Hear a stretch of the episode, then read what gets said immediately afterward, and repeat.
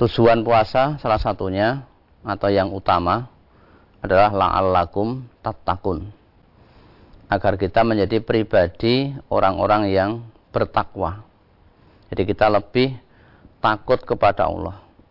Takut untuk melanggar larangan-larangan yang sudah ditetapkan oleh Allah. Karena resiko bagi orang yang melanggar adalah akan disediakan neraka jahanam.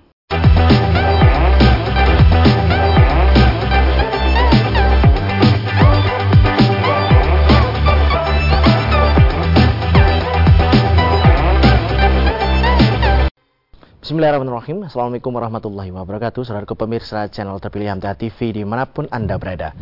Puji syukur Alhamdulillah senantiasa kita panjatkan kehadirat ilahi Rabbi Allah Subhanahu Wa Taala atas kenap karunia nikmat dan juga rahmatnya untuk kita semua di perjumpaan awal aktivitas pagi hari ini.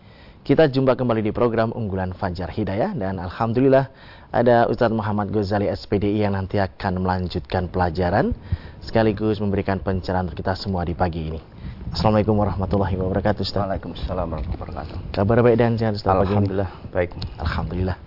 Dan saudaraku nanti bisa bergabung bersama kami di line telepon yang sudah kami siapkan di 02716793000 SMS dan juga di WA kami di 08 11 255 Kita simak pelajaran kita pagi ini.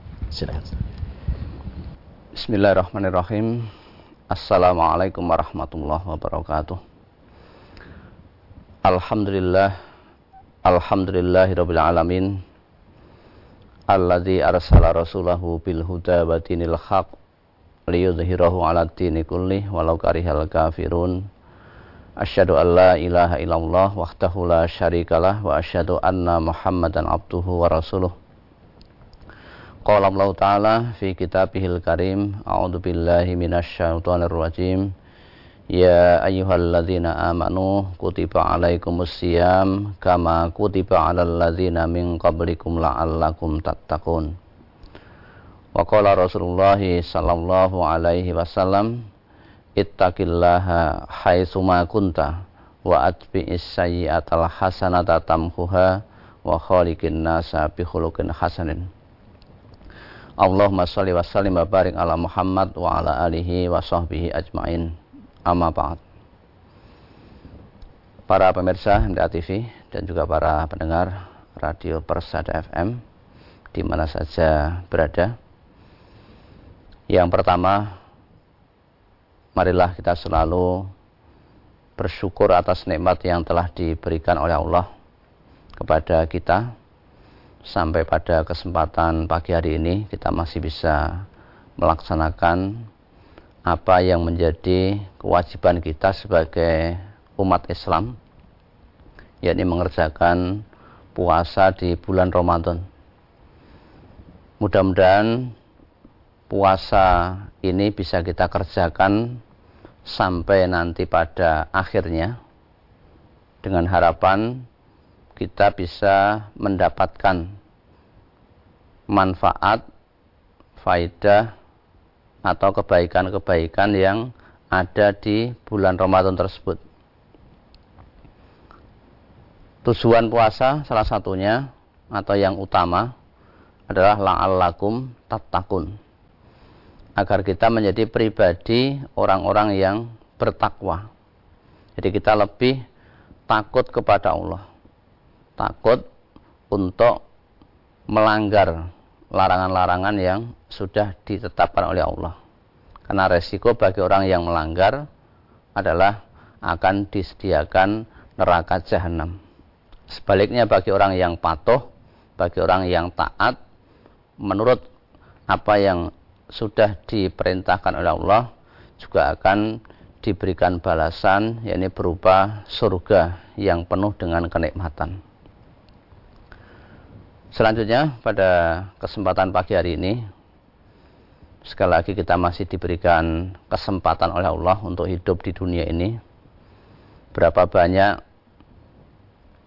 saudara-saudara kita atau manusia yang saat ini meninggal dunia. Berarti mereka tidak diberikan kesempatan oleh Allah untuk melakukan amal-amal kebaikan. Kehidupan dunia ini bagi semua orang ini merupakan sesuatu yang indah. Memang itu dijadikan oleh Allah. Sebagaimana yang difirmankan di surat An-Nisa Ali Imran maaf ayat 14 dikatakan zuzina nasi hubbus syahwat minan nisa'i wal banina wal qanatiril muqantarati minaz zahabi wal fiddati wal khailil musawwamati wal an'ami wal harth zalika mataul hayatid dunya. Wallahu indahu husnul ma'ab. Dunia ini dijadikan indah. Zuzina linnas. Dijadikan indah dunia ini kepada manusia. Jadi manusia itu cinta kepada hal-hal yang diingini di antaranya apa yang pertama yang diingini itu adalah an-nisa minan nisa jadi wanita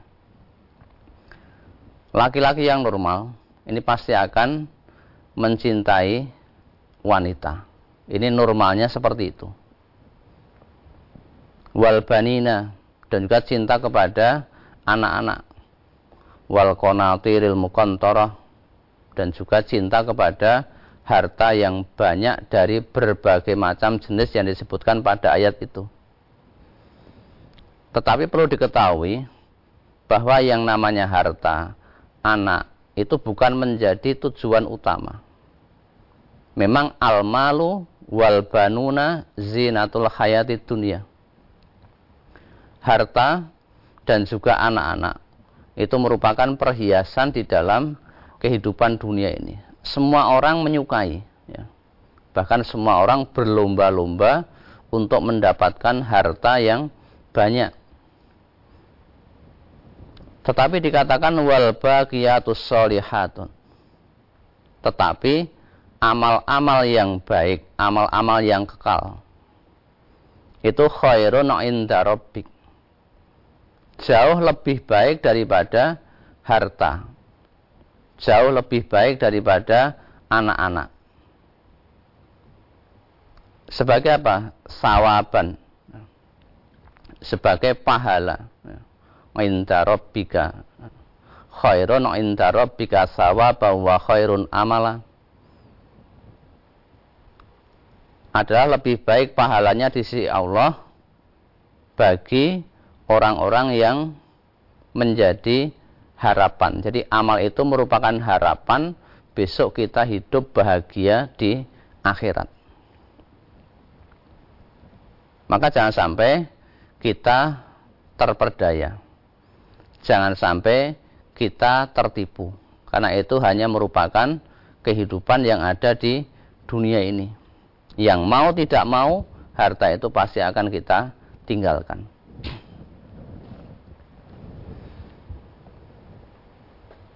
Kemudian di dalam sabdanya Nabi kita mengatakan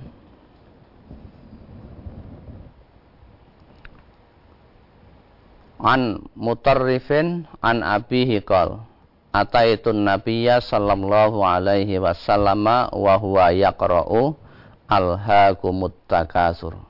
Qala yaqulu ibnu adam mali mali qala wa halaka ya ibna adam min malika illa ma akalta fa afnaita aw labista fa ablaita aw tasaddaqta fa'amdoita. Ini diriwayatkan oleh Imam Muslim.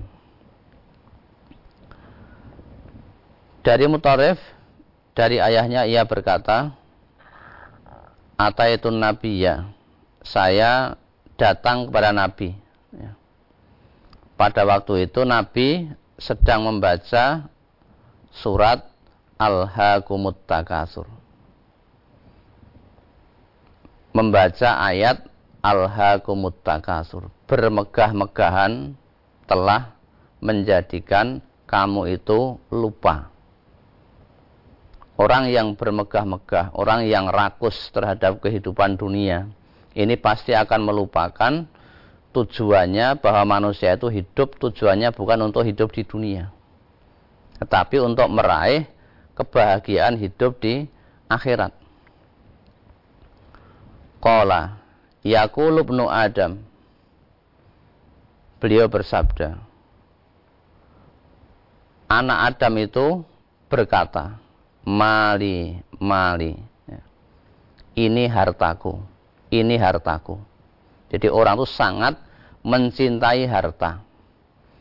Bahkan mencari harta Sampai nanti dipakai cadangan untuk sekian turunan. Sehingga mumpung sekarang ada kesempatan kemudian dicari yang sebanyak-banyaknya. Ditumpuk-tumpuk. Maka Nabi mengingatkan alhaqumut takasur. Jadi bermegah-megah. Itu menjadikan kamu itu menjadi lupa atau melupakan kamu. Padahal dikatakan wahallaka ya bena Adam min malika. Padahal ya anak Adam tidaklah kamu punyai dari hartamu itu. Jadi kamu itu hanya memiliki harta yang sesungguhnya. Itu apa? Illama akalta fa'afnaita. Kecuali yang kamu miliki itu adalah apa-apa yang kamu makan. Ya. Sesuatu yang kita masukkan ke dalam mulut kita, bentuknya apa pun, maka semuanya itu akan fa'afnaita. Akan menjadi habis ya. Kemudian aulabista fa'ablaita. Apa-apa yang kamu pakai yang melekat di badan atau yang kita miliki berupa e, rumah atau mobil semuanya itu akan fa'ablaita akan menjadi aus, akan menjadi usang, akan menjadi kadaluwarso. Ya. Itu semuanya. Pakaian yang akan menjadi sesuatu yang tidak berharga. Mobil juga lama-lama akan rusak, rumah didiamkan juga akan menjadi rusak. Kemudian autasaddaqta fa'amdoita atau harta yang kamu sedekahkan, maka itu menjadi tabungan besok di akhirat. Jadi apa yang kita miliki sekarang ini adalah apa yang sudah kita pakai. Ada tiga yang kita makan, itu berarti kita miliki, tapi itu akan habis. Ya. Kemudian yang kita miliki berupa harta benda di luar jasad kita, itu juga akan menjadi usang. Nah sebenarnya harta yang masih kita miliki itu adalah harta yang kita sedekahkan untuk tabungan besok di akhirat. Nah, bagaimana cara kita menyikapi terhadap kehidupan dunia ini? Nabi sudah memberikan solusi. Bagaimana kita itu menyikapi terhadap kehidupan dunia. Maka beliau bersabda, Faqala, kun fit dunya ka'annaka gharibun aw abiru sabilin. Jadilah kamu di dunia. Digambarkan ka'annaka gharibun. Seperti orang yang asing. Orang yang asing. Orang asing itu tentunya dia tidak nyaman, tidak bebas ya, melakukan apa saja dan pasti dia ada keterbatasan ketika menjadi orang yang goribun, orang yang aneh, berbeda daripada yang lain. Ya. Bahkan orang yang berbeda itu dikatakan dalam hadis sebagai guroba, ya. sebagai orang-orang yang asing. Di tengah-tengah orang banyak melakukan kejahatan, kemaksiatan. Nah, dia tetap masih istiqomah untuk berbuat baik. Maka itu termasuk orang-orang yang bahagia. Fatuba lil ghuraba. Memang agama ini awalnya datang dalam keadaan asing. Kemudian akan kembali kepada keterasingan. Jadi orang yang melaksanakan agama dengan serius, melaksanakan agama dengan sungguh-sungguh, ini di saat-saat sekarang ini menjadi orang yang asing. Jadi orang yang jujur itu menjadi orang yang aneh. Padahal itu harus ada pada diri orang Islam. Atau yang kedua, awa'a biru sabilin. Atau sebagai seorang yang musafir yang sedang lewat hanya berlalu saja, bukan menjadi tujuan utama. Musafir pasti akan kembali ke rumahnya. Dia hanya lewat di suatu daerah, toh lama-lama akan kembali. Lah tujuan utama itu adalah kita bagaimana mencari kehidupan akhirat. Wa bataghi fima ataqallahu darul akhirah wala tansa nasibaka minad dunia carilah pada apa yang telah dianugerahkan kepadamu berupa harta benda, berupa fisik yang sehat, berupa kesempatan yang ada itu untuk mencari apa? kebahagiaan hidup di akhirat. Beramal yang sebanyak-banyaknya, apalagi ini di bulan Ramadan, bagaimana kita memaksimalkan diri untuk banyak melakukan amal-amal yang soleh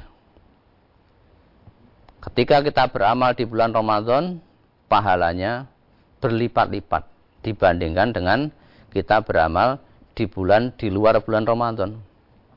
Walaupun di tengah keterbatasan, kita masih bisa untuk berbuat hal-hal yang baik yang sifatnya secara individu. Kita kiroah juga masih bisa. Sholat malam juga masih bisa. Zikir kita juga masih bisa. Ya masih banyak hal yang banyak kita lakukan. Sehingga diharapkan ketika kesempatan adanya di bulan Ramadan, kita bisa memperoleh pahala yang sebanyak-banyaknya. Kita hanya berharap mudah-mudahan Allah memberikan pahala ganjaran kepada kita semuanya bagi orang-orang yang berpuasa. Asya muli wa ana ajzibihi. Puasa itu untukku untuk Allah dan aku sendiri yang akan membalasnya. Nah, besok orang-orang yang berpuasa di akhirat akan memasuki suatu pintu yang khusus yang disediakan hanya untuk orang-orang yang berpuasa.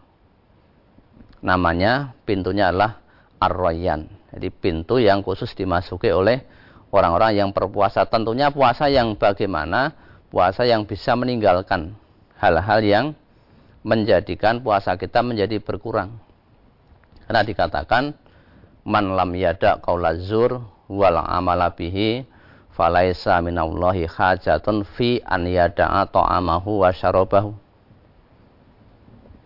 Barang siapa yang tidak bisa meninggalkan qaula zur di perkataan dusta, sering berbohong, wal amala bihi dan juga perbuatan dusta. Falaisa minallahi hajatun maka Allah tidak butuh. Tidak butuh kepada orang itu orang yang berpuasa walaupun fi an yada'a ta'amahu wa walaupun ia sudah meninggalkan makanannya. Tidak makan tidak minum. Tetapi ketika perkataannya perbuatannya masih menuju kepada perbuatan yang maksiat perbuatan dosa. Berarti dia hanya bisa mempuasakan fisiknya saja hanya bisa meninggalkan makan minum. Lah sementara perkataannya perbuatannya masih tidak baik maka itu puasanya namanya sia-sia. Ya saya kira itu yang bisa kita sampaikan. Mudah-mudahan menjadi uh, peringatan untuk kita semuanya agar kita menjadi uh, lebih baik di bulan Ramadan ini ya Baik pemirsa, kami harapkan Anda bisa bergabung bersama kami di line telepon 02716793000. SMS dan juga di WA kami di 08 11 255 3000. Namun tentunya ternyata kita simak beberapa informasi berikut ini. Baik, saudara pemirsa channel terpilih Hamta TV di mana pun Anda berada, terima kasih Anda masih setia bersama kami, khususnya di program unggulan Fajar Hidayah di kesempatan pagi ini. Kami persilahkan yang ada di line telepon 6793000 untuk bisa bergabung. Halo, Assalamualaikum.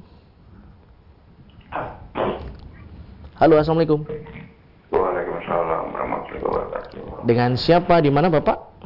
Ari di Selogiri. Dengan Bapak? Ari, Ari. Pak Ari di? Selogiri. Di Selogiri, silahkan. Uh, begini, Ustaz, saya memberikan Assalamualaikum Ustaz. Waalaikumsalam warahmatullahi wabarakatuh. Silakan. Uh, begini, ketika saya sedang cuci darah Ustaz ya, lalu saya harus membatalkan puasa karena harus minum obat dan mungkin gula darah saya drop juga.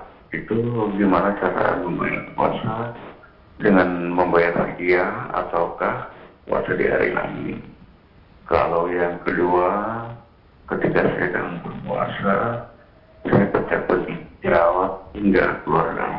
Apakah itu membatalkan puasa saya? Kalau yang ketiga, ketika saya uh, tangan saya ada bekas darah, uh, bekas jerawat, dan sudah mengering, lalu saya memegang uh, pakaian sholat, apakah itu boleh atau tidak Ustaz? Itu saja. Terima kasih atas tausiahnya. Wassalamualaikum warahmatullahi wabarakatuh. Waalaikumsalam warahmatullahi wabarakatuh. Ya, ada tiga pertanyaan yang tadi suaranya agak kurang begitu jelas ya. Jadi yang pertama tadi terkait dengan cuci darah. Ya. Cuci darah. Cuci darah ya. Jadi ketika orang sedang HD atau hemodialisa atau cuci darah itu kan kita tidak makan, tidak minum, tapi darah kita dikeluarkan. Kemudian dipisahkan antara darah dengan airnya tadi. Kalau memang itu kuat, ya, kuat menjalankan seperti itu, itu ya tidak masalah ketika orang tetap menjalankan ibadah puasa. Karena yang membatalkan puasa kan sudah jelas, yaitu makan, minum, kemudian bersetubuh. Itu pun dilaksanakan dengan sengaja. Kalau makan, minum, kemudian dia lupa atau tidak sengaja, itu pun juga tidak membatalkan puasa. Jadi selama tidak e, memasukkan cairan e, berupa makanan atau minuman itu tidak menjadi masalah misalnya kalau di HD pada itu kan kira-kira sekitar 4 jam lah untuk hemodialisa itu. Sehingga itu tidak membatalkan puasa kalau memang dia kuat menjalankan seperti itu. Kemudian yang kedua tadi ya yang kedua dan ketiga ada kurang jelas artikulasinya. Takut salah dalam pertanyaannya nanti. Ya karena mungkin terlalu dekat dengan dekat, mikrofon ya. ya sehingga suaranya kan kurang begitu bisa dipahami ya, kurang ya kurang jernih ya mohon maaf Bapak sehingga jangan sampai nanti uh, kita tidak tepat di dalam uh, memberikan apa namanya jawaban ya. Okay. selanjutnya di WA kita bacakan dari Kiki di Kebumen Ustadz apakah sholat sunnah bisa sujud sahwi saya sholat tarawih di rakaat kedua harusnya tasahud akhir, tetapi lupa. Kemudian berdiri terus duduk lagi. Apakah perlu sujud sahwi sebelum salam Ustaz? Maka perlu kita pahami, perlu kita ketahui apa yang namanya sujud sahwi. Sujud sahwi itu adalah sujud karena lupa. Ya. Jadi apakah lupa di dalam rukun sholat kelebihan maupun kekurangan di dalam kita melaksanakan sholat rekaatnya tadi. Maka ini bisa bersifat umum, baik itu berupa sholat wajib maupun sholat sunnah. Walaupun di dalam hadis itu kebanyakan Nabi ketika menjalankan sholat wajib karena biasanya berjamaah sehingga ada orang yang mengingatkan, ada orang yang menegur. Kalau sholat sunnah kan biasanya sendirian. Kecuali mungkin sholat tadi sholat taraweh misalnya. Maka kalau kita mengacu kepada pengertian tadi, sujud sahwi itu sujud karena lupa. Dalam hadis dikatakan, An Abdullah bin Buhainat al-Asdiyi, anna Rasulullah sallallahu alaihi wasallam qama fi salati zuhri wa alaihi julusun falamma atamma salatahu sajada sajdataini yukabbiru fi kulli sajdatin wa huwa jalisun qabla an yusallima wa sajadahuman nasu ma'ahu maka nama nasya minal julusi rawahu muslim dari Abdullah bin Bukhainah al-Asdi bahwasanya Rasulullah sallallahu alaihi wasallam pernah bangkit berdiri dalam sholat duhur. Padahal mestinya duduk atahiyat awal. Berarti Nabi ketika atahiyat awal mau atahiyat harusnya duduk, lah ini berdiri. Maka setelah selesai sholat, beliau masih dalam keadaan duduk. Sebelum salam, beliau bersujud dua kali. Dan beliau bertakbir pada tiap-tiap sujud dan para makmum juga mengerjakan sebagaimana yang dikerjakan beliau untuk mengganti duduk atahiyat yang terlupa tadi. Maka ini kan tentunya bagi imam ya. Kalau kita sebagai makmum kan hanya mengikuti apa yang dilakukan oleh imam. Jadi imam itu dijadikan sebagai panutan innama ju'ilal imamu liyutamma bihi sesungguhnya dijadikan imam itu untuk dimakmumi, jadi untuk diikuti. Maka ketika orang tadi terlupa harusnya dia duduk atahiyat tapi dia berdiri, lah sepertinya merupakan kelupaan. Jadi sujud sahwi boleh, ya, boleh dikerjakan baik dalam sholat wajib maupun dalam sholat sunnah ketika memang itu merupakan terjadi suatu kesalahan. Ya. Ya. Berikutnya kita beralih di SMS dari hamba Allah yang ada di Kejobong, Purbalingga. Ustadz, bahwa di alam akhirat nanti Allah memasukkan orang yang berpuasa ke surga lewat pintu surga royan namanya. Puasa yang bagaimanakah Ustadz yang dapat memperoleh tersebut di atas? Ya tentunya orang mendapatkan surga ini mesti orang itu memiliki amal-amal spesial karena surga itu nilainya sangat mahal nilainya sangat tinggi Nabi kita bersabda man soma Ramadhana imanan wahtisaban ghufirallahu ma taqaddama min dzanbihi Siapa yang berpuasa Ramadan ya. Tapi puasanya tidak sekedar hanya puasa dasarnya niatnya kan apa? Imanan. Didasari dengan keyakinan yang kuat bahwa puasa ini merupakan kewajiban yang harus saya jalankan sebagai orang Islam. Itu dijalankan bukan karena ikut-ikutan, bukan karena pamer. Ya. Kemudian waktu saban. Jadi betul-betul mengharap ridho Allah. Yang dicari itu pahala dari Allah bukan mencari popularitas atau dipamerkan kepada manusia. Maka yang seperti itu akan ghufirallahu ma taqaddama min zanbihi. Maka orang yang berpuasa tadi akan diampuni dosa-dosanya yang telah lalu. Jadi niatnya harus diluruskan dulu ketika orang berpuasa. Kemudian di malam-malamnya juga digunakan untuk sholat malam man qoma ramadhana imanan wahtisaban ghufira lahu ma taqaddama min dzanbihi.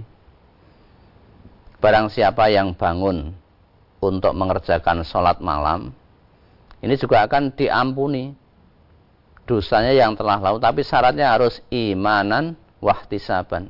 Karena keyakinan yang kuat dan mengharap ridha Allah. Karena orang yang berpuasa itu banyak rubaso imin laisa lahu min siyamihi illal ju' wal atas. Berapa banyak orang yang mengerjakan puasa. Laisa lahu min siyamihi. Dia tidak mendapatkan pahala atau kebaikan daripada puasa itu illal ju' wal atas. Kecuali hanya dia merasakan lapar. Kemudian dia sangat kehausan. Lah kenapa kok tidak mendapatkan pahala dari Allah padahal dia sudah berpuasa Maka yang di awal tadi sudah kita sampaikan man lam yada qaula zur wal amala bihi falaisa minallahi hajatun an yada'a ta'amahu wa syarabahu fi an yada'a ta'amahu wa syarabahu. Siapa saja man lam yada qaula zur tidak bisa meninggalkan perkataan dusta. Orang puasa tapi masih sering berbohong masih sering ngerasani, masih sering melakukan tindak kemaksiatan melalui mulut, walau amalabihi dan juga melalui perbuatan. Ya. Misalnya pada bulan puasa ini masih ada orang yang berbuat curang. Misalnya alat pelindung diri APD dikorupsi, bantuan-bantuan disembunyikan. Itu kan berarti walaupun dia berpuasa, tapi tidak ada gunanya puasanya. Dan dia tidak bisa masuk ke dalam pintu yang namanya arroyan tadi yang khusus disediakan bagi orang-orang yang berpuasa tapi puasanya puasa yang sangat berkualitas ya ya Baik Ustaz, sekiranya sudah di penghujung perjumpaan pada kesempatan pagi ini, ada yang bisa disampaikan sebagai nasihat, silakan Ustaz. Ya, kepada para pemirsa dan juga para pendengar Radio Persada FM di mana saja bisa menangkap siaran ini. Marilah pada bulan puasa ini yang kita sudah mendapatkan kurang lebih ya satu minggu dari puasa kita masih tersisa tiga minggu. Ini betul-betul kita manfaatkan dengan sebaik-baiknya. Kita isi dengan amal-amal yang berkualitas. Sehingga apa yang kita kerjakan itu betul-betul memiliki arti memiliki makna Jangan sampai hanya berlalu begitu saja. Maka agar puasa kita bisa sukses, agar puasa kita bisa berhasil, kemudian mendapatkan pahala dari Allah Subhanahu wa taala, tentunya kita bisa menggunakan waktu-waktu dengan baik. Yang sekarang mungkin untuk melaksanakan kajian ilmu biasanya kan berkumpul di suatu tempat. Sekarang sudah banyak menggunakan media online atau daring. Ini pun bisa dilaksanakan. Kita masih bisa mendengarkan, mendengarkan kajian-kajian. Karena apa itu dalam rangka untuk memupuk keimanan kita. Jangan sampai hati kita menjadi kering atau kosong tidak mendapatkan siraman-siraman rohani. Atau kita bisa melaksanakan tadi sholat malam dengan baik. Membaca Quran tadarus. Atau bersedekah kepada sekarang banyak orang-orang yang e, kekurangan mendadak atau miskin mendadak gara-gara ya virus corona ini. Mereka kehilangan pekerjaan. Mereka kehilangan maisha harus pulang kampung sehingga dia tidak bekerja Nah, maka bagi orang-orang yang agnia atau bagi orang-orang yang mampu, ini ada kesempatan yang luar biasa apalagi di bulan puasa. Jadi mengetuk hati kita terhadap kepekaan sosial. Bahwa kita lah makhluk sosial, kalau ada saudara kita yang membutuhkan, lah bagaimana kita bisa memberikan bantuan. Bantuan apakah berupa materi atau dukungan moral. Sehingga ini bisa memberikan arti kita berada di bulan Ramadan ini. Jangan sampai kita alpakan begitu saja tanpa diisi dengan sesuatu yang uh, bermanfaat. Ya, saya kira itu. Ya, kami sampaikan terima kasih atas pelajaran yang Ustaz. Assalamualaikum warahmatullahi wabarakatuh. Waalaikumsalam warahmatullahi wabarakatuh. Baik, saudara pemirsa channel terpilih TV di mana pun Anda berada. Demikian tadi telah kita simak dan ikuti bersama program unggulan Fajar Hidayah di kesempatan pagi ini. Kita jumpa kembali di kesempatan mendatang. Saya Tommy Al-Fatani pamit undur. Alhamdulillahirrahmanirrahim. Subhanakallahumma wa bihamdika. Asyadu an la ilaha anta astaghfiruka wa atubu Assalamualaikum warahmatullahi wabarakatuh.